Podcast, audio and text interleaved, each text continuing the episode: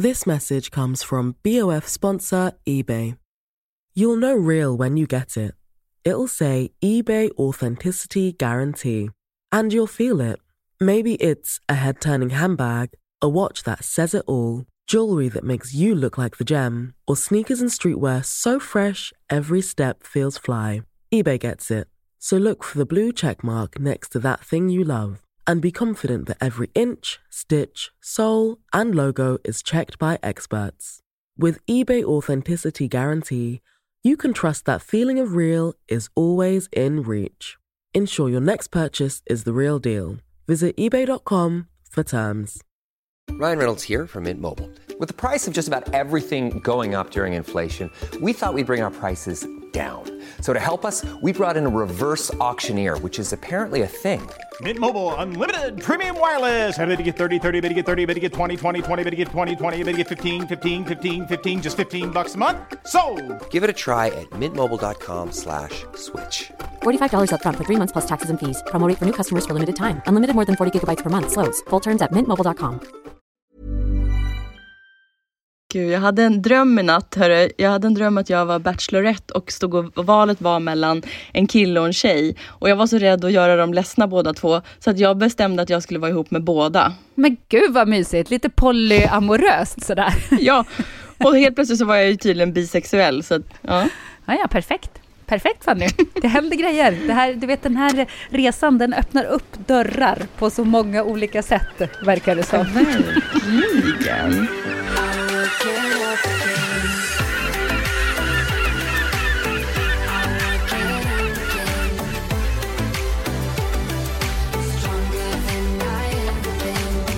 har du haft det i Portugal?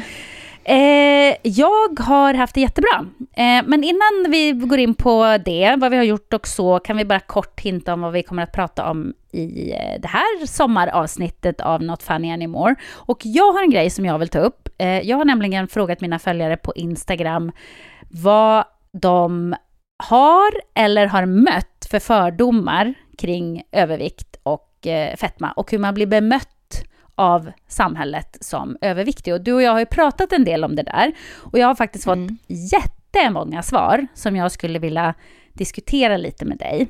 Så det kommer jag vilja prata om. Och vad kommer du att vilja prata om i dagens podd? Jag tänkte prata lite om delmålsresan och hur jag ätit på hotell. Och sen så var ju jag på 100-årskalas hos Mat-Tina och hennes man. Eh, och unnade mig pizza och lite alkohol. Så att jag vill nog prata lite om sådana saker och hur det har gått nu under semester och att jag eh, inte har varit på gymmet på över en vecka. Så hur har jag tränat själv och så. Mm, men spännande. Då kör vi igång tycker jag.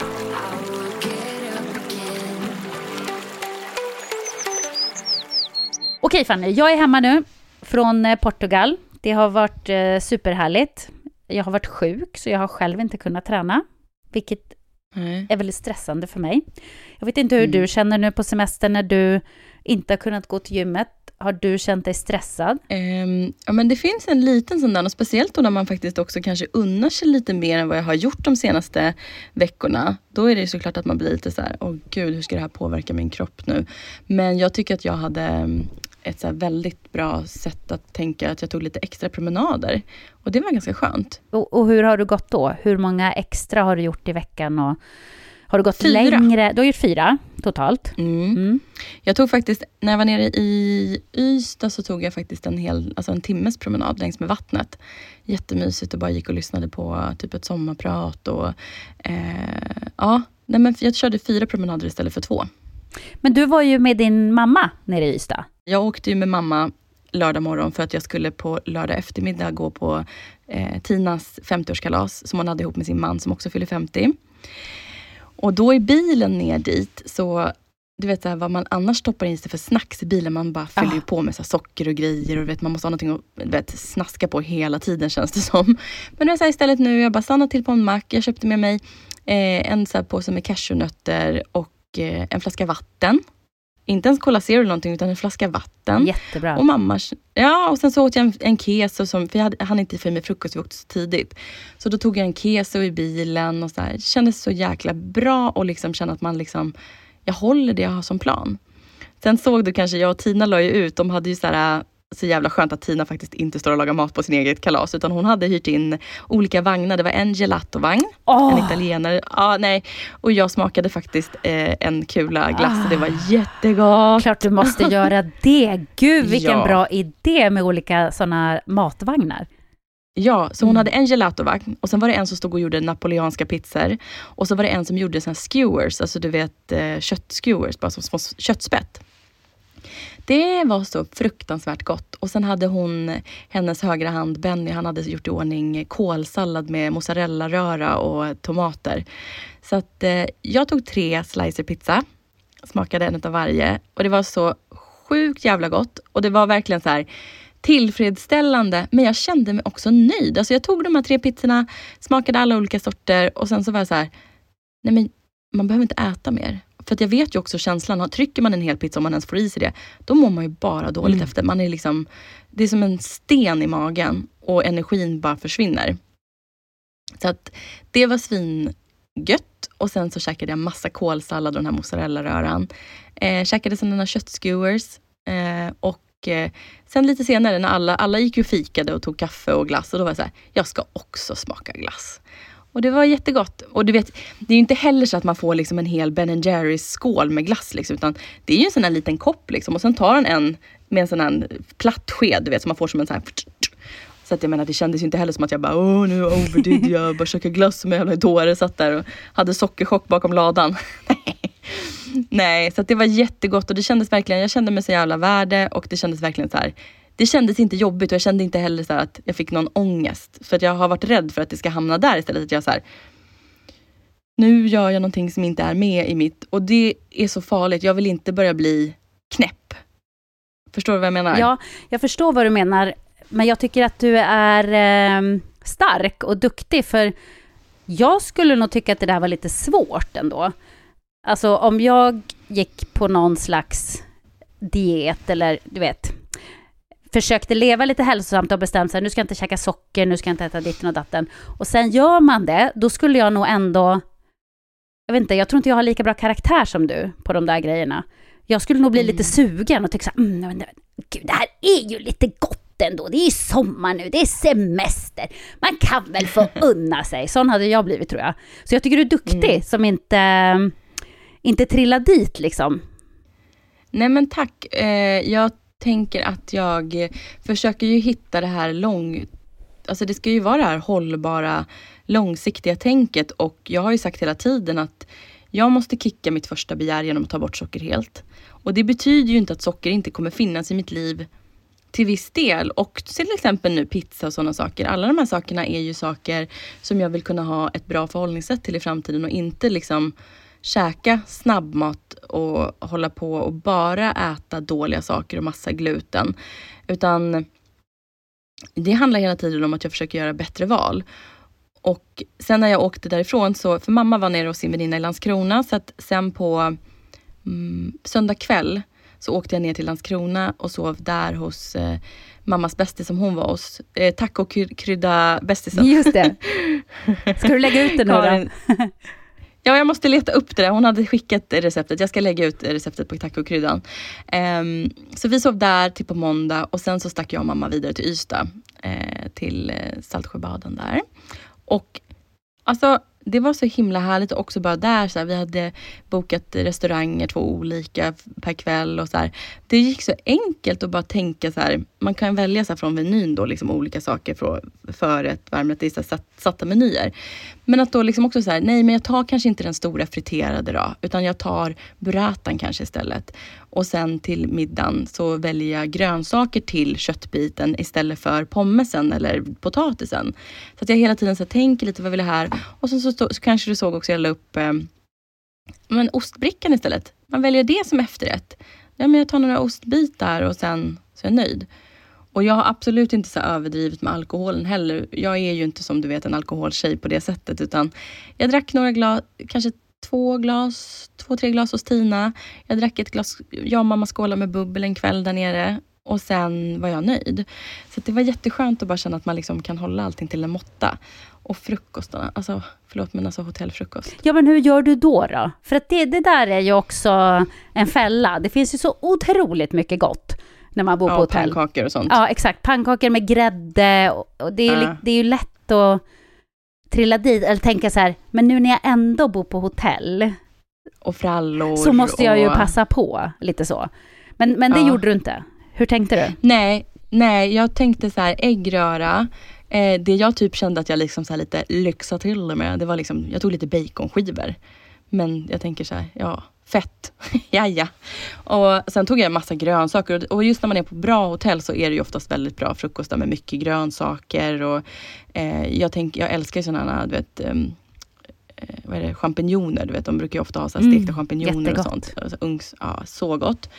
Och sen så tog jag hårt mörkt bröd. Men det är så här dansk rågbröd och det tycker jag är så himla gott. Och det tycker jag så här, ja det är, ju, det är väl gluten i sånt tror jag. Men lite gluten har inte jag något problem att få i mig utan jag tänker ju glutenfritt i det stora hela. Alltså jag tror även det är gluten i mina rågkusar. Men det jag tänker glutenfritt är ju så pasta Mm. och sådana saker. Och jag äter inte vitt bröd.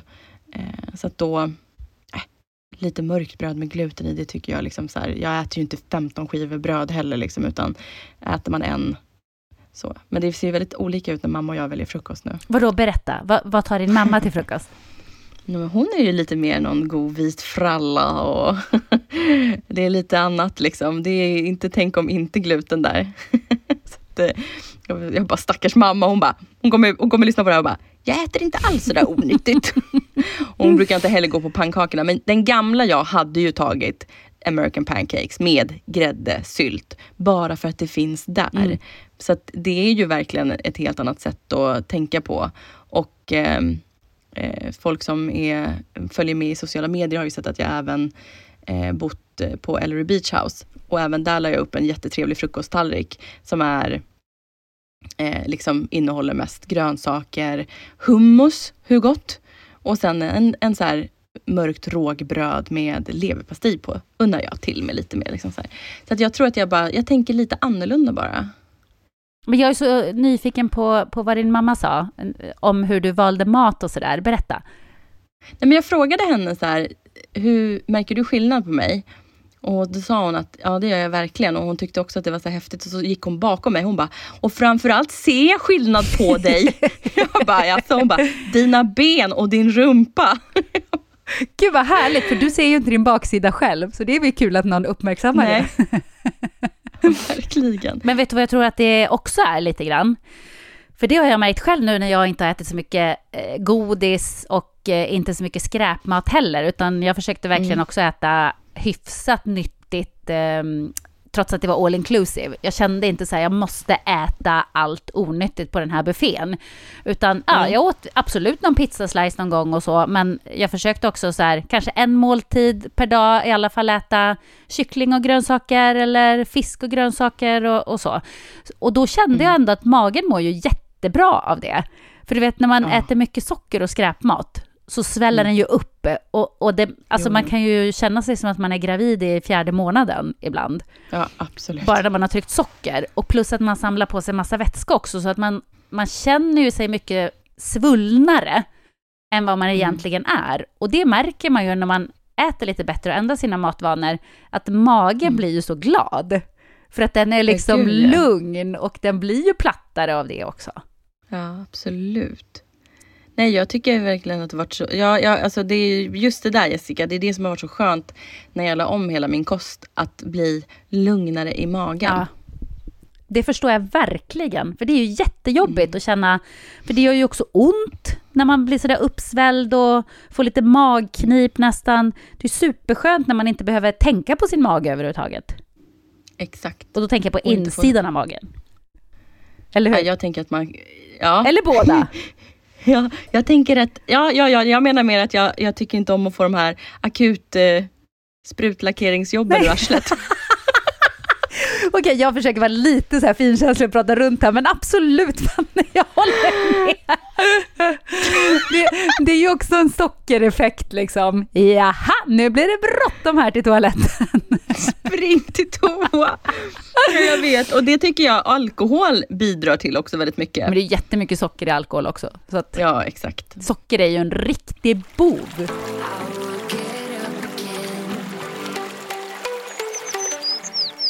Vi hade ju lovat resultat eh, den här veckan. Mm.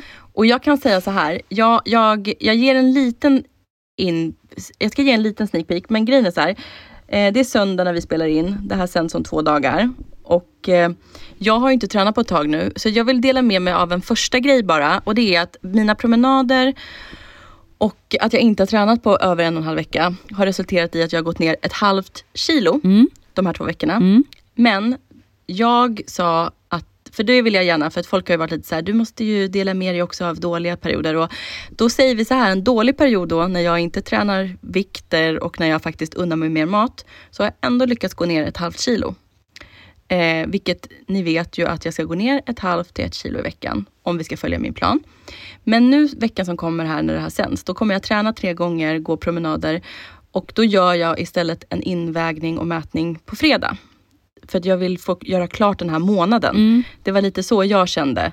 Eh, och då får ni alltså i nästkommande då, så får Jessica också, jag tänker att jag spelar upp det här för Jessica när vi poddar, så får ni lite reaktion från Jessica också. Ja, för jag tycker det är så spännande. Men vad vad fint ändå att du delar med dig av att, eh, eh, att det inte hela tiden är, ja den här eh, månaden så gick jag ner sju kilo, den här månaden gick jag ner fem Nej. kilo, utan okej, nu senaste veckorna ett halvt kilo.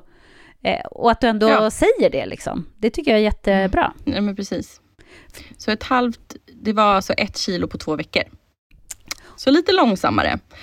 Och det beror ju säkerligen på då att jag inte har tränat styrka och att jag faktiskt då har haft en lite unnigare period. För det har varit en redig semestervecka med väldigt annorlunda matvanor. Även om jag har försökt tänka bättre val. Men det har ju inte varit perfekta val så som jag har kanske levt veckorna som har varit innan. Så att eh, det går långsammare hörni, när man är mer unnig. Och nu är jag tillbaka till rutin. Ja, Så får vi se. det är ju svårare på sommaren också när det är semester faktiskt. För det händer mycket grejer. Så, och man vill ju också kunna njuta och inte alltid behöva säga nej. Så jag tycker att du verkligen gör helt rätt. Att du, att du unnar dig lite, för du har ju ingen stress, det ska vi komma ihåg. Ja. Nej men verkligen och jag tycker också så att det, det var ju lite som eh, vi sa när jag sa nej då till att jag kommer inte ge resultat varje vecka. För det skulle vara för stressande för mig. Då skulle jag känna att jag gör det här för någon annan än mig själv. Eh, men jag kan absolut dela med mig om när det går lite långsammare och så här. Som jag nu slänger in här en liten hint om. Men eh, jag vill få träna klart den här månaden ut. Eh, och jag vill få göra några extra pass och kämpa på lite här. Och faktiskt visa då att nu gick det lite långsamt, men vad händer om jag gasar på igen sista veckan? Kommer det ge någon extra effekt? Det kan ju också vara lite kul att få veta. Men har du känt någon stress överhuvudtaget när du känner att oj då, nu stannade det upp lite grann? Mm. Ja, det finns en liten vinnarskalle i mig, såklart, som vill liksom vara bäst. Men det är ju så viktigt att jag hela tiden påminner mig själv att Fanny, du gör det här för dig. Du gör inte det här för Jessica, inte för Emily, inte för lyssnarna. Och att ni ska bara, liksom, det, jag måste komma ihåg att ni är ju bara här för att peppa, heja på och ge mig motivation och inspiration. Eh, och eh, vill mitt bästa och jag ska vilja mitt bästa. Ja. Men jag kan ju bli lite så att jag vill jättegärna imponera på dig. Jag vill jättegärna imponera på Emily. Jag vill imponera på lyssnarna. Men det blir ju fel då. Ja, ja, exakt. Du ska ju komma ihåg vad anledningen är att du gör det här faktiskt. Jag tycker du Ja. ser ändå lugn ut. Så jag tycker inte att du, Ah. du känns inte som att du är stressad över detta. Herregud, vilken tur att det här inte är en bildpodd. Ni skulle ha dött om ni hade sett Fanny nu.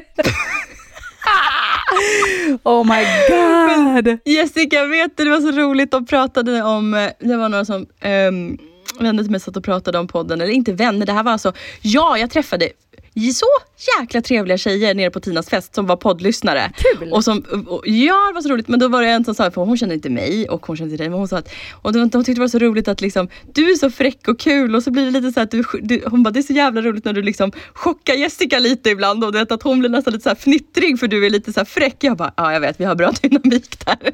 Men jag är ju lite pryd. Alltså, jag vill egentligen inte vara det, men jag har insett det att på äldre dagar har jag liksom blivit lite pryd sådär. Eh, men jag älskar ju att grotta ner mig i, i andras ekivoka äventyr. Men, eh, Ja. men jag, jag känner mig väldigt eh, generad om det skulle handla om mig själv, om du förstår. Ja, jag fattar. Ja. Men det, är- det är kul att, så här, att komma lite grodor ur min mun som liksom ändå så här, till lite. Jag tycker det är kul. Jag tycker, jag tycker, att, det är, jag tycker att vi har hittat en så kul dynamik du och jag. Ja, och det ska ju vara roligt. Herregud. Det, det är ju Ja, men- halva grejen, att det ska vara kul. Men det, visst är det roligt att man har lyssnare över hela vårt långa land. Ja, Alltså, det är folk som skriver från Norrland, det är folk som skriver från Dalarna, det är liksom kvinnor jag träffar i Skåne. Det, är, alltså, det finns någon ifrån liksom varje region i Sverige som lyssnar på podden nu och det känns så jäkla häftigt. det är skitkul. Och man vänjer sig inte riktigt vid det där när man poddar, för att man blir ganska bekväm. Nu sitter ju du och jag och pratar, eh, och så kan folk komma fram till en och säga någonting som man har pratat om i podden, och man blir nästan generad och bara, men gud vad privat! Och så kommer man på så här, men jag har ju suttit och sagt det här till flera tusen som sitter och lyssnar, fast man tänker inte så. Nej, och jag tror det vinnande konceptet också är, det som folk fortsätter skriva till oss är ju också så här att gud det är så transparent och ärligt och det är så liksom inbjudande vilket gör att så här, det, här, det här är anledningen till att jag älskar er podd för ni är så otroligt öppenhjärtiga, alltså ärliga. Och det känns ju som att eh, det, ja, transparensen, det är verkligen så kul. Men det är som du säger, det är, jag tror, vet inte, jag, ja, vi får se om man vänjer sig. Ja, jag träffade en till följare på Ystad ju. En jättegullig tjej. Åh, hon kanske, hon verkligen lyssnar. Hon skrev till mig, jag ska också till Ystad. Jag bara, ja, men säg hej om du ser mig. Så kom vi mot varandra i korridoren och jag kramade om henne hårt och var så här, mamma efteråt, hon bara, Kände du henne? Jag bara, nej, hon lyssnar på podden. Jag tänkte att om man är så modig att man faktiskt vågar skriva och vågar säga hej, då ska man fasiken få en varm, god kram. Ja, men det är ju jättemysigt. Det är ju så härligt. Jag, jag älskar också när folk kommer fram. Det tycker jag bara är underbart, faktiskt. Och du, då kan jag säga att du hade en, en till poddlyssnare som hade sett dig på Gotia Cup. Va? Ja, en tjej på Tinas fest, som, det, jag tror att det var på Tinas fest, en, en kvinna sa det. ja och sen, jag blev, hon bara, det känns som att jag känner er nu, ni är kompisar. Och så bara, helt plötsligt så står jag där på Gothia Cup och där är Jessica. Men då vågar jag inte säga hej, jag bara, men du skulle sagt hej till Jessica, hon hade blivit jätteglad. Ja, men det är klart. Det var, det var så kul. Ehm, det här var i och för sig en lyssnare från Träningspodden, men när jag var där i Göteborg på cup, så kommer det en dam bakom mig och säger så här, eh, eller en kvinna, och säger ehm, eh, jag tycker att det ser ut som du har packat bra kläder Jessica. Jag bara vänder mig om så här, är det någon jag känner? Jag bara, nej, ingen jag känner igen. Och jag blev så förvirrad. Jag bara, eh, va? Hon bara, ja, du sa ju i podden att du hade packat så konstiga kläder, men det där ser väl bra ut? Jag bara, jaha, ja just det. Man är inte alltid riktigt med på noterna, men det är bara mysigt. Så att eh, det ska man aldrig tveka på att komma fram. Och kramas. Och får man chansen, så gå fram till Fanny och få en kram av henne. För finns det någon som har gosigare kramar än du? Nej, men det gör det inte. Nej, men det gör det inte. Man bara gosar in sig mellan dina gosiga bröst och bara... Det är så Ja, mysigt. väl, välkommen på en tuttkram.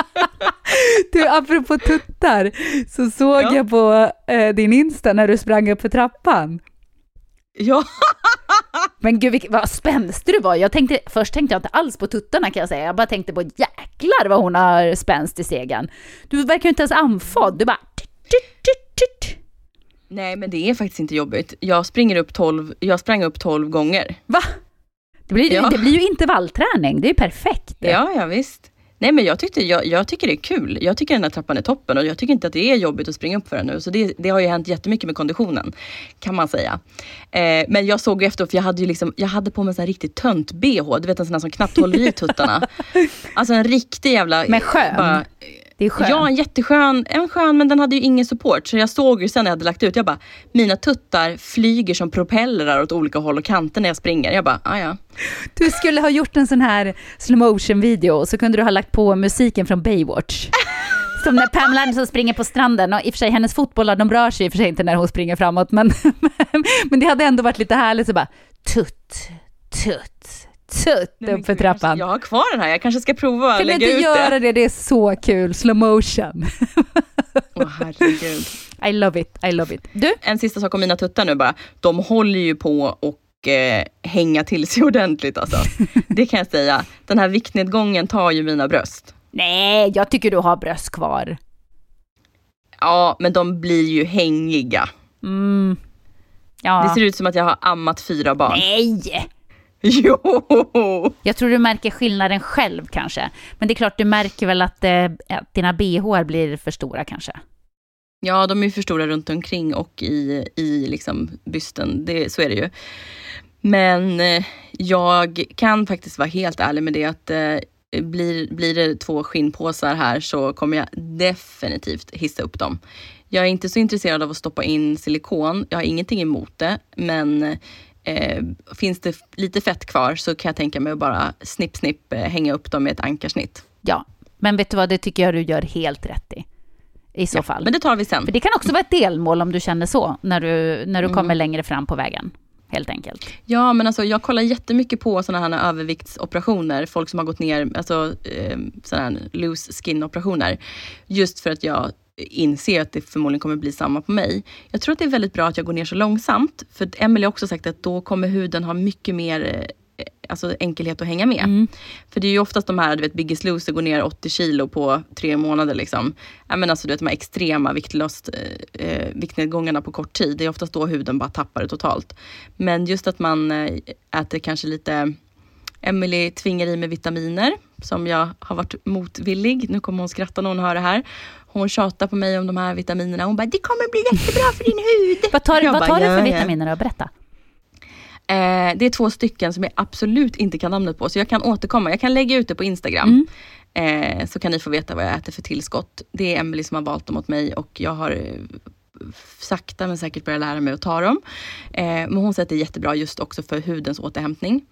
Men jag kollar mycket på sådana operationer som sagt och jag tycker att det är väldigt spännande att se och eh, det är ju definitivt, om jag gör den här viktresan och om jag då också så här, gör allt jobb, ja men det är väl klart att jag sen vill ha en, en hud som inte har massa löst skinn som hänger överallt. Så då får man ju följa med på det i framtiden också. Ja, och, och det är jättebra att du även pratar om det. För att eh, eh, det är ju väldigt vanligt att det blir lös hud kvar när man har gått ner Mm. så pass mycket.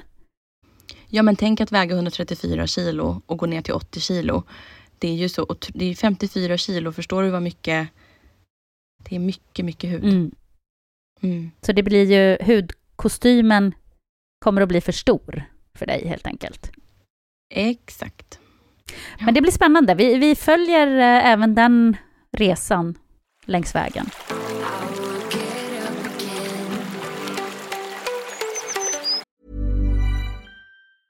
Hey, I'm Ryan Reynolds. Recently, I asked Mint Mobile's legal team if big wireless companies are allowed to raise prices due to inflation. They said yes. And then when I asked if raising prices technically violates those onerous two year contracts, they said, What the f are you talking about, you insane Hollywood ass? F- So to recap, we're cutting the price of Mint Unlimited from $30 a month to just $15 a month. Give it a try at mintmobile.com slash switch. $45 upfront for three months plus taxes and fees. Promo for new customers for limited time. Unlimited more than 40 gigabytes per month. Slows. Full terms at mintmobile.com. This message comes from BOF sponsor eBay. You'll know real when you get it. It'll say eBay Authenticity Guarantee. And you'll feel it. Maybe it's a head turning handbag, a watch that says it all, jewelry that makes you look like the gem, or sneakers and streetwear so fresh every step feels fly. eBay gets it. So look for the blue check mark next to that thing you love and be confident that every inch, stitch, sole, and logo is checked by experts. With eBay Authenticity Guarantee, you can trust that feeling of real is always in reach. Ensure your next purchase is the real deal. Visit eBay.com for terms. Nu kanske du vill ta över med våra Instagram-frågor? Ja, det vill jag. Det vill jag verkligen Fanny, för att vi fick så himla många, himla mycket input. Det tyckte jag var, var väldigt härligt. Eh, ska se här, det är svårt Kul. att läsa i de här bara. De hänger inte ihop här riktigt, ska vi se. Ja, men det här, det, det är väldigt många som skriver att eh, den värsta fördomen som man möts av eh, som överviktig är att man är lat. Ja. För här är en som skriver, många tror att vi överviktiga är lata och bara sitter och äter hela dagarna. Och så skriver hon, vänta ska jag säga, jag är stor men jag äter för lite. Och det är oftast anledningen till att man blir överviktig. För att man äter för lite, man har för dåliga kostvanor. Och mitt sätt att äta innan jag började äta som jag äter idag var ju att jag ibland inte åt första målet förrän efter tre på dagen. Mm. Och då började jag äta sent på kvällen. För att sen är man helt plötsligt dynghungrig vid åtta och klockan eh, 11.30 på kvällen liksom, innan man ska gå och lägga sig så stoppar man i sig en macka eller någonting som finns i skåpen. Eh, och eh, jag vet många väninnor som jag har som också har problem med vikten kan ju också säga det att jag äter kanske ibland bara ett mål om dagen. Ja, precis. Så att det handlar ju inte om att man sitter och trycker i sig ma- mat precis hela tiden, utan Nej. som du, du hade ju, eh, du hade ju ingen bra rutin för dina måltider helt enkelt. Nej, ingen kontinuitet, alltså ingen rutin, ingen liksom så frukost, mellis, lunch, mellis, middag som jag äter idag. Här är en annan tjej som också skriver på, på samma tema. Jag har själv vägt som Fanny och kan direkt säga att alla tror man är så lat med stora bokstäver, eller dum. Mm. Men har du, har du stött på att folk tror att du är lat? Eh, nej, men vet du vad jag har stött på? Eller så här, lat, ja det kan väl säkert finnas folk som tror att jag är superlat. Men jag har ju jobbat så otroligt hårt som vi pratat om i tidigare avsnitt det här med att jag har verkligen byggt upp Face by F och min karriär och vem jag är som karriärskvinna. Eh, och det har väl jag eh, fått så här, kämpa extra hårt med bilden av mig som duktig makeupartist och hårstylist och liksom eh, som Lumena-ambassadör och allting. Eh, att, att jag har känt att så här, jag har kanske behövt kämpa lite hårdare för att bevisa mig. För att när jag ibland har kommit in i rum, och du vet jag är ju alltid osminkad på jobbet. Ja. Att jag har, när jag träffar en ny person som inte vet vem jag är, eh, kanske någon känd person, när de har sett då det står en tjock tjej osminkad, att de inte riktigt först litar på, jag, jag har känt en skepticism kring att, hmm, kan du verkligen det här? Är det sant? Men Ja, hur, hur har du märkt av det? Nej, men det är bara någonting man känner. Jag är ju en sån otrolig känslomänniska ju. Och jag tar ju in energier hela tiden. Och du vet att det finns ju folk jag inte ens tackar ja till att sminka idag. För att jag inte klarar av energin jag får utav det jobbet. Eh, jag har känt det här. Men sen har jag ju då gjort ett jättesnyggt jobb och personen under tiden vi har pratat har ju förstått att, för det blir nästan som att en person börjar intervjua mig. Jaha, vad jobbar du med? Vilka jobbar du med? Eh, det, har, det ser helt annorlunda ut idag eh, nu. För att nu är jag ju ganska välkänd i branschen. Eh, och snarare väldigt önskad. Vilket gör att då blir det ju snarare så här, åh Fanny vad kul, ska jag få bli sminkad av dig? Ja. Eh, när det är någon ny som man inte har sminkat förut på en tv-produktion eller så. Men det här hände mig jättemycket förut och jag har ju varit stor i många år. Så jag kunde känna att när jag var den här lite halv ofixade tjejen liksom, som var stor, att folk kände så här, okej, vad ska det bli utav det här? Så att jag, ja, jag kan absolut känna mig i sammanhang eh, att jag har upplevt att jag kanske... Men det är fortfarande också, det här är ju någonting som jag säger att jag känner och upplever. Och det kanske inte behövde vara så den personen har upplevt det. Men jag kan ha känt ibland att folk lite så här intervjuar mig. Vad har du för meriter liksom? Vad har du gjort? Du, att du måste bevisa dig lite mer, typ. Ja, Ja. och sen är det klart att det finns en sån person, det finns ju verkligen en sån person i mig som har verkligen velat bevisa mig, hävda mig. Och det kanske kommer ifrån att jag inte har känt mig helt hel eller tillräcklig. Nu ska du få höra på jättelångt eh, svar som jag fick. Mm. Eh, jag har fått höra både hatiska glåpord om hur äcklig jag är av random människor på gatan och blivit riktigt illa behandlad av sjukvården. Bland annat så skyller man exakt allt på min fetma. Du är förkyld, jaha, det är för att du är fet. Eh, vänta, jag ska se. Eh, du blir inte gravid? Nej, det är för att du är för fet. Vi gör ingen undersökning ens. Du är deprimerad? Ja, men gå ner i vikt då. Familjemedlemmar frågar när man ska göra en gastric bypass. Samhället undrar hur en så snygg och vältränad man kan vara gift med en tjock kvinna.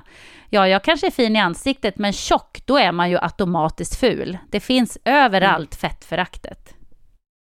Ja. Man blir ledsen Nej, av det alltså- där tycker jag. jag. Jo, men det är klart att det, det finns ett otroligt fettförakt i samhället och folk... Eh, jag tror att det är också så ett synd liksom att kanske så här, har jag kommit lindrigare undan för att jag jobbar i en värld där jag blir respekterad på ett annat sätt eh, för, mitt, för min yrkesroll då? Eh, har jag blivit behandlad illa, eh, bättre kanske för att jag har varit inom citationstecken snygg, tjock? Alltså, det, det, det, och det, nu, jag, alltså jag vill inte trampa någon på tårna, men det kan vara så att, att olika tjocka blir behandlade olika. Beroende på hur man klär sig, beroende på hur man fixar sitt hår.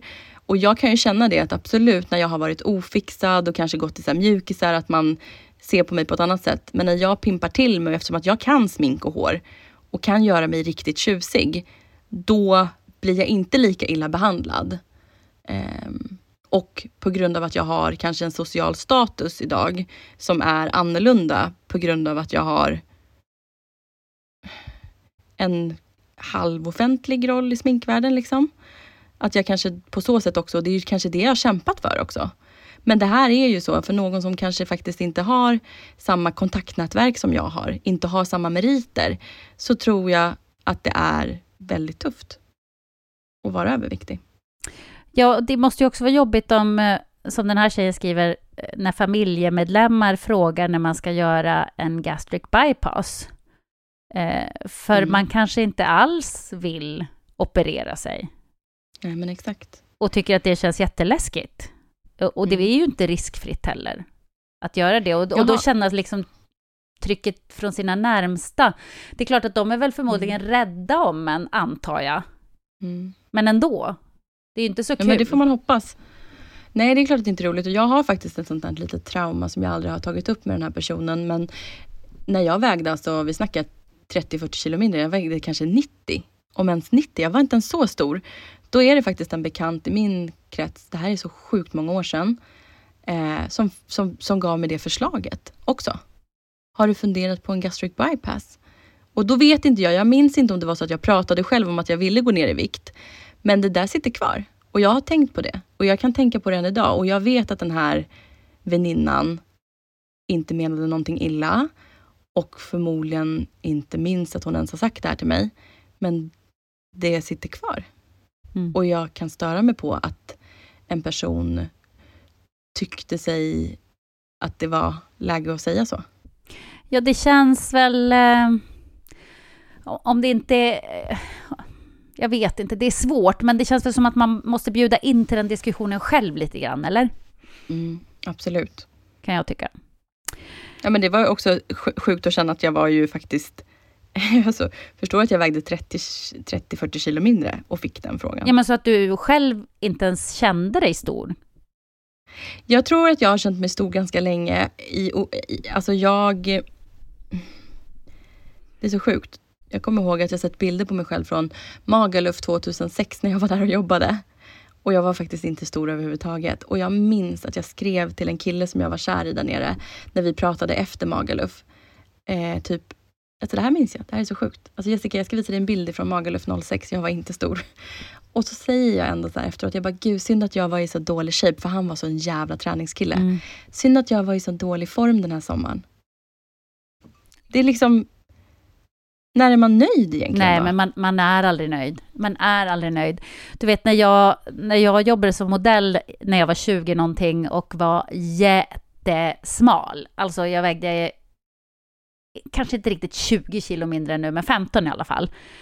Mm. Jättetunn. Och jag tyckte i alla fall att jag var tjock. Och du vet, man jämför sig med andra och tyckte att jag är så Mm. stor i jämförelse. Åh nej, och jag har en lite skinn på magen. Alltså, det är ju helt sjukt. Och så när man nu tittar tillbaka, kollar på gamla bilder, så är man så här, men va- varför har jag gått och nojat över kroppen hela livet? Mm. Va- Varför lägger vi så mycket tid på det?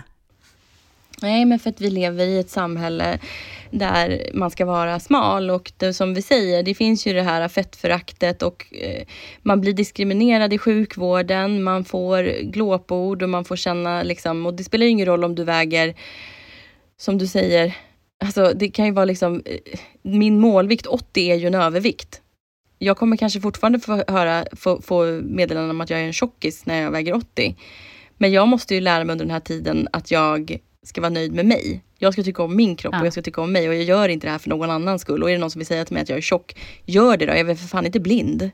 Men jag tycker också så att det är så hemskt att, att vi är där, att det spelar ingen roll hur smal man är, så blir man ändå inte nöjd. Och att det är, vem har bestämt när en kropp är fin och när en kropp är ful? Och jag tänker på så här, vi alla, det spelar ingen roll. Du, normvikt, alltså du är ju normalviktig liksom. Eh, tränad tjej har ju också dina grejer som du tittar på. Nej, det här, ja. Och som du säger, du har vägt 15 kilo mindre och varit, varit jättemodell utomlands. Du har varit Fröken Sverige. Alltså, det är liksom... Och ändå inte nöjd. Och var kommer det här ifrån? Varför är vi så här? Varför, varför blir kvinnor behandlade på det här sättet? Tror du killar sitter hemma och tittar sig själva i spegeln och är så ful och tjock och det är inget som gillar? De är bara besatta av att de ska ha en stor kuk och inte tjejer ska säga att de har stor kuk. Nej, men jag tänker ofta på det nu på sommaren till exempel. Eh, alltså tjej kan man ju känna att det kan vara lite jobbigt det här med bikini, man ska gå på stranden eh, och vara avklädd och så. Men eh, männen, de liksom äger ju sina ölbagar och... Eh, håriga ryggar. Håriga ryggar och chipstuttar och de bryr sig inte om det. Så känns det i alla fall. Alltså det är ju ingen, ingen man man ser som går och drar in magen på stranden liksom. Nej. Uh. Nej, och jag hade superpanik när jag skulle ner och bada i Igår lördags så skulle jag bada på Ellery Beach House och bara titta mig omkring. Vilka är här? Jag ska klä av mig nu framför de här människorna och gå ner i poolen. Eh, och jag tycker att det är jobbigt.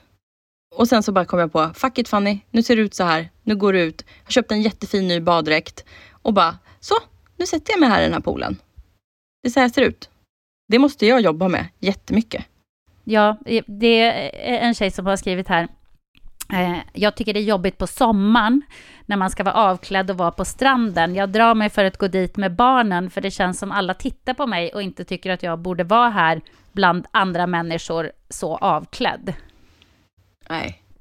Alltså du ska vara bland alla människor och vara avklädd och nu får vi faktiskt, jag tror att när jag sitter och tänker nu på samtalet vi har haft och saker jag har sagt och jag bara känner så här, nej nu ska vi fan stå upp för att man ska få se ut precis hur man vill. Och vi ska vara stolta och eh, nej, fan jag blir, jag, nu är jag arg.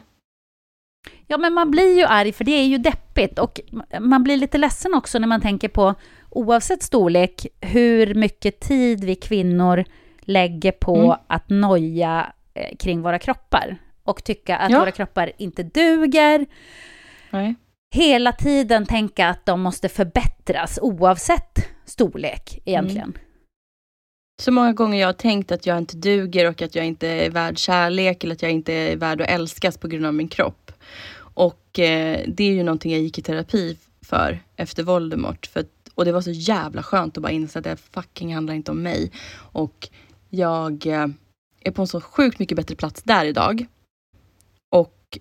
Har fått så fin uppskattning under våren utav andra människor som har gjort mig så mycket tryggare i mig själv och min kropp. Att min kropp är sexig, att den är åtråvärd oavsett min size, vilket har gjort mig så mycket, mycket lugnare. Men jag blir så ledsen att det är sånt fokus och jag vill poängtera en gång till här med min resa att det här handlar inte om att jag ska bli smal eh, för att jag ska känna mig snygg. Eh, det kommer bli en kanske bieffekt av det att jag kommer känna mig lite hetare för att jag kommer vara starkare och kanske komma i kläder som jag har längtat efter att få ha på mig. Men jag bantar inte. Jag övertränar inte. Jag tar det lugnt och sansat för att jag vill bara bli hälsosam och jag vill inte dö i en hjärtinfarkt eller någon fetmarelaterad sjukdom. Nej, det, det är väldigt eh, sunt tänk av dig, tycker jag. Där har du verkligen landat i eh, någonting vettigt eh, och en bra drivkraft. För att jag tror att mm. den, om drivkraften bara är det ytliga, mm. eh, då tror jag faktiskt aldrig att man blir nöjd. Det är ju det. Nej, jag tror inte Men det. tänk när du är på en plats när du känner att jag orkar, jag har energi, jag har bra kondition, jag känner mig stark, eh, mm. jag kommer i de kläder jag vill ha eh, och, och, jag har bra vanor. Jag, jag, jag känner mig pigg på morgonen när jag vaknar, jag äter bra grejer. Ja. Eh, då kommer ju du eh, att känna dig nöjd med dig själv. Jag tror verkligen det, Fanny. Jag tror det, för att du har ju inte satt fokuset ja. i första hand eh, på det yttre. Nej. Eller hur? Det, nej, nej, det här är en själslig inre resa för mig. Och eh, jag har bara velat få kunskap. Jag vill lära mig att träna. Jag vill lära mig om mat. Mat som medicin, Jessica, tycker jag är superintressant. Och det kommer förhoppningsvis handla mycket mer om mat i framtiden. Och ni ber hela tiden också på Instagram om recept på diverse grejer. Och det kommer absolut komma. Jag lovar att dela med mig mer av enkla recept och sådär. Men, men det är också eh, svårt med tiden. Just att hinna göra, för jag vill ju också göra fint och du har ju sett mitt ja. sätt att lägga upp mat och inspiration. Och då måste jag ha tiden till att få göra det ordentligt. Liksom. Men det är klart att ni ska få ta del av enkla, roliga recept och sådär. Och jag är, jag kan säga att jag håller på att nörda ner mig i, i saker som, vad, hur, vad är bra för kolesterolet? Vad då är bra för hjärtat? Och, eh, vi pratar om eh, att i framtiden så kommer det bli en klimakteriepodd sen när man är, för då ska man, vi ska vi ska fan få hjälp som kvinnor också och inte behöva stoppa i oss hormoner för att må bra när vi har klimakterie. Ja, eller att vi ska få rätt hormoner.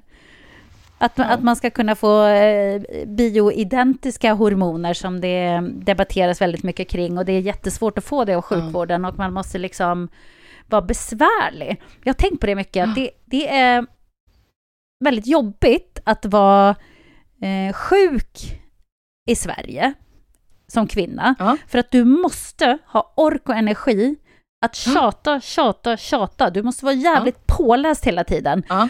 Eh, för att inte bli avfärdad hela tiden. Eh, och inte liksom få den hjälpen du ska ha. Eh, och, och, mm. och, det blir ju en paradox för att man har ju inte alltid den energin och kraften Nej. när man är sjuk eller mår dåligt. Nej. Av någon anledning. Nej, precis. Min, eh, en kroniskt sjuk person jag har i mitt liv sa att man måste vara frisk för att kunna vara sjuk ja, i Sverige. exakt. Exakt. Man måste vara frisk för att kunna vara sjuk. Det låter ju helt sjukt. Men eh, det där som hon skrev också, en av våra, någon som hade skrivit in det där, med att man blir dömd i sjukvården och sådär. Jag känner ju också att jag måste komma in med en jättehög energi. Nu har jag blivit bemött av superläkare borta på Bo vårdcentral. Eh, och hon som tar hand om mig nu, Också jättetrevlig och, och, fin och liksom, jag kände mig jättebekväm att klä av mig framför henne för hon skulle liksom, du vet, undersöka min kropp. Eh, jag ville kolla leverfläckar och sånt. Eh, men jag kände att så här, jag, jag har känt att jag måste vara så där upbeat, pigg och inte se ut som en tjock, trött och eh, lat person. Mm. Utan jag har nästan kommit lite fixad till vårdcentralen för att jag vill inte bli dömd av att, men gumman, det är klart att du har problem med fötterna, du är ju tjock. Ja, men precis. För, för här är det en, en som skriver en fördom som hon har hört, eh, att överviktiga är alltid glada. Och kan det ligga något i det då, som du säger, att du liksom måste anstränga dig för att vara eh, glad och, och, positiv för att, inte, för att inte allting alltid ska handla om övervikten på något sätt? Jag tror att det döljs bakom min humoristiska sida och jag tror att det är den jag har tagit till väldigt många gånger. Man skämtar på sin egen bekostnad innan någon annan gör det. Eh, jag hade en tjej i högstadiet som kanske inte som var liksom lite större, kraftigare än oss andra. Och hon var verkligen den roliga tjejen. Och jag tror verkligen att hon gjorde det till sin karaktär för att liksom ingen skulle påpeka att hon var den större tjejen. Eh, och det känner jag igen i mig själv jättemycket. Ju större jag blivit, sen har jag alltid haft eh, Eh, min mamma säger att jag har funny bones. och jag, nej men och jag har alltid varit en så väldigt humoristisk person och jag tror att det kanske är eh, någonting som också utvecklas ännu mer. Att jag, jag tar plats på ett sätt för att inte folk ska lägga vikt vid att jag är tjock kanske. Så att ja, det kan nog vara en, en korrekt analys att man, eh, man tjocka människor försöker vara kanske lite gladare och positiva. Men... Eh, Men lyssna på det här då. Mm. Ehm, jag har varit överviktig och pendlat till smal hela livet. Främlingar ler och är trevligare när man är smal. Och det är sorgligt att se skillnaden när man går upp i vikt igen. Man blir osynlig. Mm. Mm. Ja, nej, men alltså jag förstår att det är jättemånga som känner så här. Och det, är som jag, det är precis det där som jag säger, att när jag kommer i mjukiskläder osminkad, så är jag inte alls bemött på samma sätt som när jag är i, i glitter och galej-världen, som jag också har hamnat i. Och jag tror att det är väldigt många som blir imponerade. Mm, alltså så här, jag har ju jobbat i den här branschen i över tio år och är ju liksom nära privat vän med väldigt många eh, offentliga personer idag. Och det kan jag ju märka att det, är ju det, det, det gör ju folk imponerade, vilket jag blir lite äcklad av många gånger. Men att det liksom blir nästan lite som en meal ticket för mig också. Att jag är välkommen in någonstans. Eller att jag har ju åstadkommit någonting. Så då blir jag lite synligare. Mm. Och jag är osynligare i sammanhang där jag kommer. Det, det märker jag ju jättetydligt med killar. Om jag går på ICA Maxi i mjukiskläder och du vet så här, är skit, inom situationstecken, ful. Mm. Liksom, har en riktig så här rövardag liksom, med fettigt hår och bara så här, ser ut som jag har rullat ut ur en container. Liksom. Då tittar ju inte folk på mig. Men kommer jag till ICA Maxi någon kväll efter jag har varit iväg och kanske du vet, är fixad och kommer in med den energin, då jävlar tittar killar. ja men det är så. Ja, nej, jag kan, eh, jag kan verkligen tänka mig det. Eh, Det här är en, en intressant grej också. Eh, 40-talister och deras besatthet av vikt slash kroppsform, främst andras. Hur får man tyst på dem? Det där är faktiskt eh, fascinerande, för det känns lite grann som att den äldre generationen, de är lite mer eh, pang på där när det handlar om att prata om vikt. Och det är lite viktigare för dem, känns det som. De är liksom inte så fina i kanten på de där grejerna. Jag bara tänker på min egen mamma, hon är i och för sig 50-talist, men du vet, hon säger, eh, kommer ju ofta med sådana komplimanger liksom. Åh, vad du är fin i formen, och du är så smal och fin. Du vet, och man bara, men mamma, sluta bara prata om en kroppsform. Va- Varför är det så viktigt? Alltså för ens egen mamma liksom. Men jag känner igen det där från den lite äldre generationen. Eh, Är det, är det här något som du eh, har upplevt?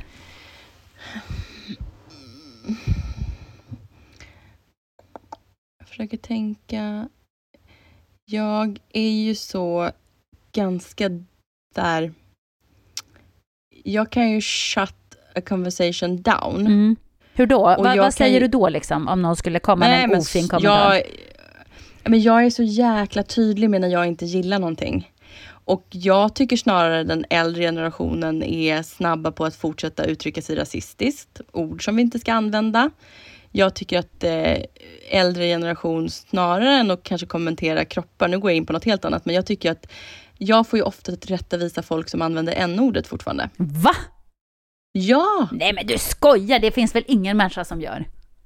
Snälla någon, jag freakade ur på min styvpappas 60-årskalas här för några veckor sedan på hans killkompis som satt och skämtade och helt plötsligt använde n-ordet. Och stopp! Så att, och då snackar vi inte om 40-50-talister, då snackar vi ju snarare 60-talister eller vad det är. Liksom. Så att jag är så här, jag har noll tolerans för plumpa utfall utav ord som vi har bestämt. Att vi använder inte de här orden längre. Ja, du sa det om ett bakverk när du var liten. Men vi säger inte så längre. Nej. Vi använder inte vissa ord. Och det är samma sak där, om jag märker att någon liksom vill kommentera eh, någonting så är jag väldigt tydlig i mitt kroppsspråk och eh, jag är ju väldigt snabb på att bli så här, nej. Ja men det är är bra, du väldigt- säger ifrån. Du är ju Mm. du är ingen blyg viol, det är du inte. Nej, absolut inte. Och jag tror bara att folk inte riktigt har vågat säga till mig då kanske, du, är du lite rultig? Men jag hade, vet du, på så tal typiskt här. ord som äldre använder också. Är Rultig. du lite rultig gumman? Nej men du, vet du vad, nu kom jag på. Jag hade en kvinna när jag gick frisörlinjen och då var jag inte heller tjock. Men då satt den åt under tuttarna en tröja en dag. Vilket gjorde att det stod ut pyttelite. Alltså Jessica, jag var smal. Jag var liten, jag var 18 år. Och en tant, här har vi då, hon var ju säkert 40 eller 50-talist. Jag rullade upp hennes hår och skulle göra permanentning. Att man fortfarande gjorde det ens liksom. Eh, det visar på att det här var en gammal person som ville bli permanentad. Eh, och hon frågade mig, när ska du ha? Jag bara, ha vad då? Hon bara, barn. Och jag bara, jag ska inte ha barn, jag är bara tjock, sa jag då. Och hon vågade ju aldrig komma tillbaka till mig igen. Nej, men, Men det var verkligen... vilken fråga alltså. Och då var jag ju liksom inte ens, alltså jag var så normalviktig som man kan bli. Men jag hade väl liksom, jag har alltid haft, jag har aldrig haft en platt eh, magrutemage. Jag har aldrig varit den personen, jag har alltid haft liksom lite lite hull på min mage men jag har fortfarande varit liten så jag fattar. Alltså det, ja, det är så sjukt. Den här fixeringen vid kvinnors kroppar och det här, där har vi ju då, det är väl kanske det en äldre generation vågar säga till en, en person. Våga fråga en tjock person då som inte ens är normalviktig, bara så här, är du gravid Mm. eller när ska du ha? Ja. Man frågar aldrig någon förrän det är totalt uppenbart eller den själv säger jag är gravid. Ja, men alltså, det där hände mig när jag gjorde Let's Dance, det här är ju jättemånga år sedan. Men jag eh, fick barn eh, i slutet av september 2009, fick jag mitt andra barn. Mm. Och så var det Let's Dance-premiär första veckan i januari, så det var ju tre månader efter jag hade fått barn. Mm. Och jag eh, har aldrig egentligen gått ner mina gravidkilon jättefort, utan det har liksom tagit lite tid ändå. Eh, och då så var det en reporter från någon av kvällstidningarna, jag kommer inte ihåg om det var Expressen eller Aftonbladet, som kommer och frågar mig efter sändningen så här, ja, men det är några tittare som har undrat och nu måste vi också fråga, är det så att du är gravid igen? Och jag bara, skämtar du med mig? Alltså jag blev så provocerad. Jag bara, jag fick barn för tre månader sedan. Frågar du mig om jag är gravid igen? Det var det sjukaste Håll någonsin. käften! Ja, men det var verkligen så här, håll för i helvete käften. Och även om det skulle vara någon elak tittare som kommenterar på det, för de kommenterar ju på allting, hur man ser Ja. ut och sådär. Eh, så, så ställer man väl inte den frågan som reporter. Man kan väl tänka själv. Hon har, hon har en liten bebis som ammar fortfarande och liksom är precis nyutproppad. Alltså jag har precis tryckt ut ungen. Och då frågar man väl inte om hon är gravid igen. Du vet, jag blev så förbannad. Jag blev så arg. Så jag, jag sa det bara till, eh, eh, till hon som var pressansvarig för Let's Dance. Så jag, bara, jag pratar inte med någon mer journalist på hela säsongen. Du kan bara be dem dra liksom. Det, och det höll jag. Inte ett jävla ord. Så det var så oförskämt. Och, och hon fick ju säga till den journalisten också att det var så fruktansvärt oförskämt att ställa den frågan. Ja. Och då kände jag bara, vad har man för syn på kvinnokroppen återigen? Om man tror att tre månader efter att man har fått barn så ska kroppen vara liksom exakt som den var förut, man ska gå ner alla kilon och magen ska vara helt platt. Det, det är inte så om man inte är Kinsa eller någon. Alltså vissa har ju tur i genlotteriet där, att de går ju ner allting direkt och så. Men de flesta människor gör inte det. Eller hur? Nej. Nej, nej, nej, jag är helt med dig. Jag sitter, jag sitter här och gapar. Jag blir förbannad åt, åt, åt det, du har ju, ja. Åh. Nej, man blir, man blir Alltså. arg. Men det här då, den här grejen då Fanny, för det här är många som skriver också, att, eh, att de tycker att det är jobbigt att när man går ner i vikt så får man alltid höra hur fin man är och vad snygg Ja. du har blivit. Men wow vad du är snygg. Att det blir så himla... Att, att det blir som likhetstecken mellan smal, snygg. Förut var du Ja, ja. ful, men nu är du snygg. Men det här har vi pratat om Jessica och min oro för att det kommer komma sådana saker. Att oj vad du har blivit snygg. Och jag har till och med eh, kompisar nu som så här. Jag vill säga Ja. att du, för de har ju hört, jag vill säga att du ser jättefräsch ut. Men jag vill inte att du ska känna att jag säger det för att jag ser att du har gått ner i vikt. Man bara, ja men det är ett resultat. Jag fattar att jag ser lite fräschare ut. Men, men det är ju så tyvärr att det, det är lite som vi snackar, som man kan säga så här. Ja, vi kanske ser lite härligare ut på sommaren för man har fått lite solkysst hud och man är lite mer glowig och man är inte sådär likblek som man var på vinterhalvåret. Så förstår ju jag också att bieffekten av att jag går ner i vikt kommer kanske bli att jag ser hälsosammare ut. Vilket kanske då per automatik avspeglar att jag är snyggare.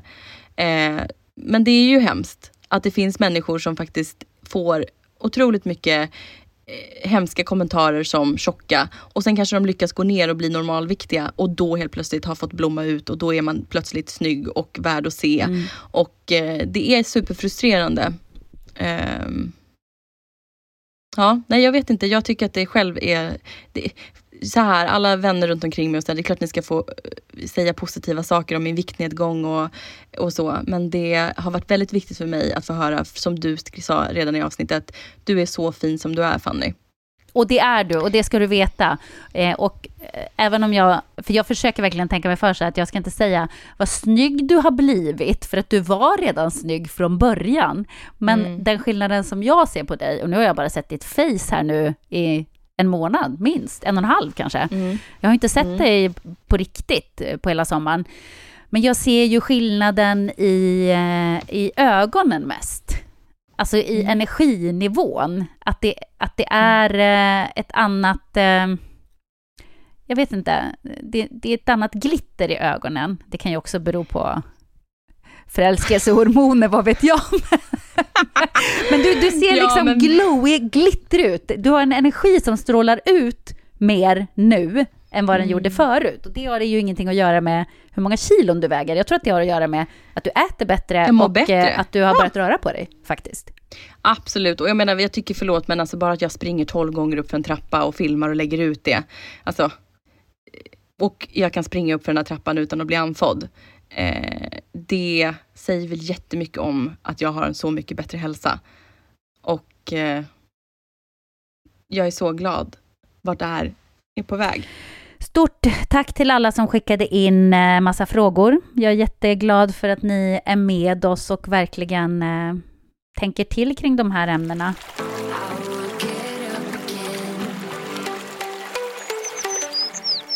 Hur känner du dig? Du, nu såg du ledsen ut Fanny. Är du ledsen? Nej, jag tänkte bara på att jag blev så arg. Att jag liksom gick igång så mycket på det här äh, samtalet. Jag tänkte på att jag eh, verkligen triggas av att jag tycker synd om människor som får fara illa på grund av övervikt och att jag tycker att det är så sjukt orättvist. Eh, så jag tycker verkligen vi fortsätter prata och peppa kvinnor och eh, eh, det här samtalet, det, det tar vi upp fler gånger. Eh, och även om inte vi kanske satt här med svar på allting utan jag gick ju igång och liksom började prata om egna erfarenheter så hoppas jag att eh, jag får inspirera någon annan som väger som mig eller mer och bara känna att eh, du duger som du är och eh, vill du bli hälsosammare och må bättre i kroppen och få en bättre rutin till mat så försök häng på. Vi gör det här tillsammans. Och jag svarar i den mån jag hinner på Not Fun Anymore. Och det går jättebra att skriva till Face by F också. Och ni får skriva till Jessica också. Vi svarar i den mån vi kan och vi finns här.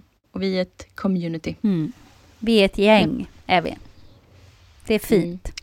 Men eh, vi, vi kommer givetvis att komma tillbaka till de här frågorna för att det, Mm. det är viktiga ämnen. Eh, Och det är viktigt att prata Verkligen. om och inte bara låtsas som att eh, det här inte existerar. Men nu ska vi gå över till Fannys lilla datinghörna. Fannys datinghörna. Jaha, hur, hur står det till på den fronten Fanny? Ja, vi håller ju full ärlighet och transparens i den här podden och eh, då får jag väl göra det även med mitt datingliv. Eh, Mr Big des, eh, existerar i full bemärkelse. Men Mr Big ligger i en skilsmässa och av respekt för alla inblandade så kommer jag inte ta upp honom så mycket framöver.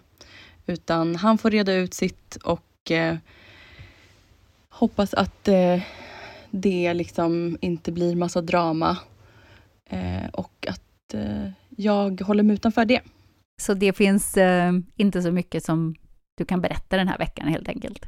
Nej, jag tycker att det känns helt onödigt och jag eh, är inte en person som vill ha drama i mitt liv. Och eh, jag håller mig utanför det. Ja, det räcker med en- Voldemort.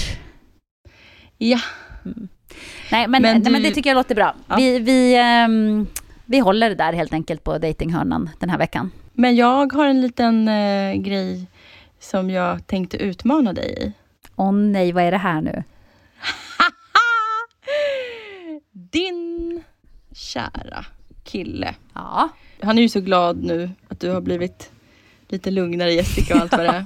han är så Men nöjd. Jessica, men jag tänker att eh, du ska, när vi har poddat klart idag så ska du gå upp till honom i poddkällan och säga att Fanny har utmanat mig att jag ska göra en date night för dig. Mm. Trevligt, för det brukar han nämligen efterfråga. Mm, och jag är inte jättebäst på det. Det brukar mer vara så här, nej men nej, det går inte, jag har ridning idag. Nej, nej, men jag har basket idag. Så. Men Jessica, det som vi ska inspirera här, du som då lever i en relation som väldigt många av våra lyssnare gör. Mm. Det jag vill att vi ska inspirera till nästa vecka är att en, det, behöver inte vara så, det behöver inte vara en hotellnatt. Det behöver inte vara massa styr och, och flyt. Och det kan vara efter ridningen. Jag vill bara att du är lite påhittig och gör någonting lite mysigt för din kille. För jag vill att vi ska inspirera nästa vecka i vad gjorde du för att styra upp en enkel och billig date night för din kille? Oh my god. här. Ooh, Okej, okej, nu måste jag tänka till här. Mm. Eh, ja, det är bra, bra utmaning. Han kommer att gilla den också. Sen tycker ju han att sånt där är lite cheesy att lägga upp, så jag vet inte hur mycket jag får lov att posta från våran date night. Men... Nej, men det behöver du inte göra, men vi kan prata om det nästa vecka. Ja, det kan vi absolut göra. Vad kul! Vi- Vilken rolig utmaning. Och det betyder att eh, nästa vecka så kan vi ju definitivt prata om dina resultat. Ja. Eh, för då kommer de och eh, så får vi väl se hur det går här med min date night också. Helt enkelt. Underbart! Tack Jessica för ett jättefint samtal idag och eh, tack alla ni som lyssnar. Ja, tack snälla för att ni lyssnar på podden och eh, tack Fanny för att du är du. Puss på dig gumman. Hej då gänget!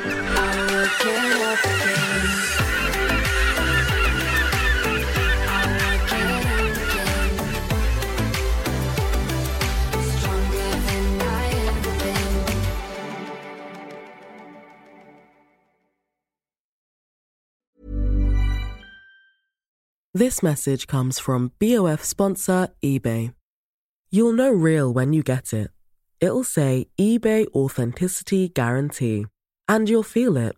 Maybe it's a head turning handbag, a watch that says it all, jewelry that makes you look like the gem, or sneakers and streetwear so fresh every step feels fly. eBay gets it. So look for the blue check mark next to that thing you love and be confident that every inch, stitch, sole, and logo is checked by experts. With eBay Authenticity Guarantee, you can trust that feeling of real is always in reach. Ensure your next purchase is the real deal. Visit eBay.com for terms.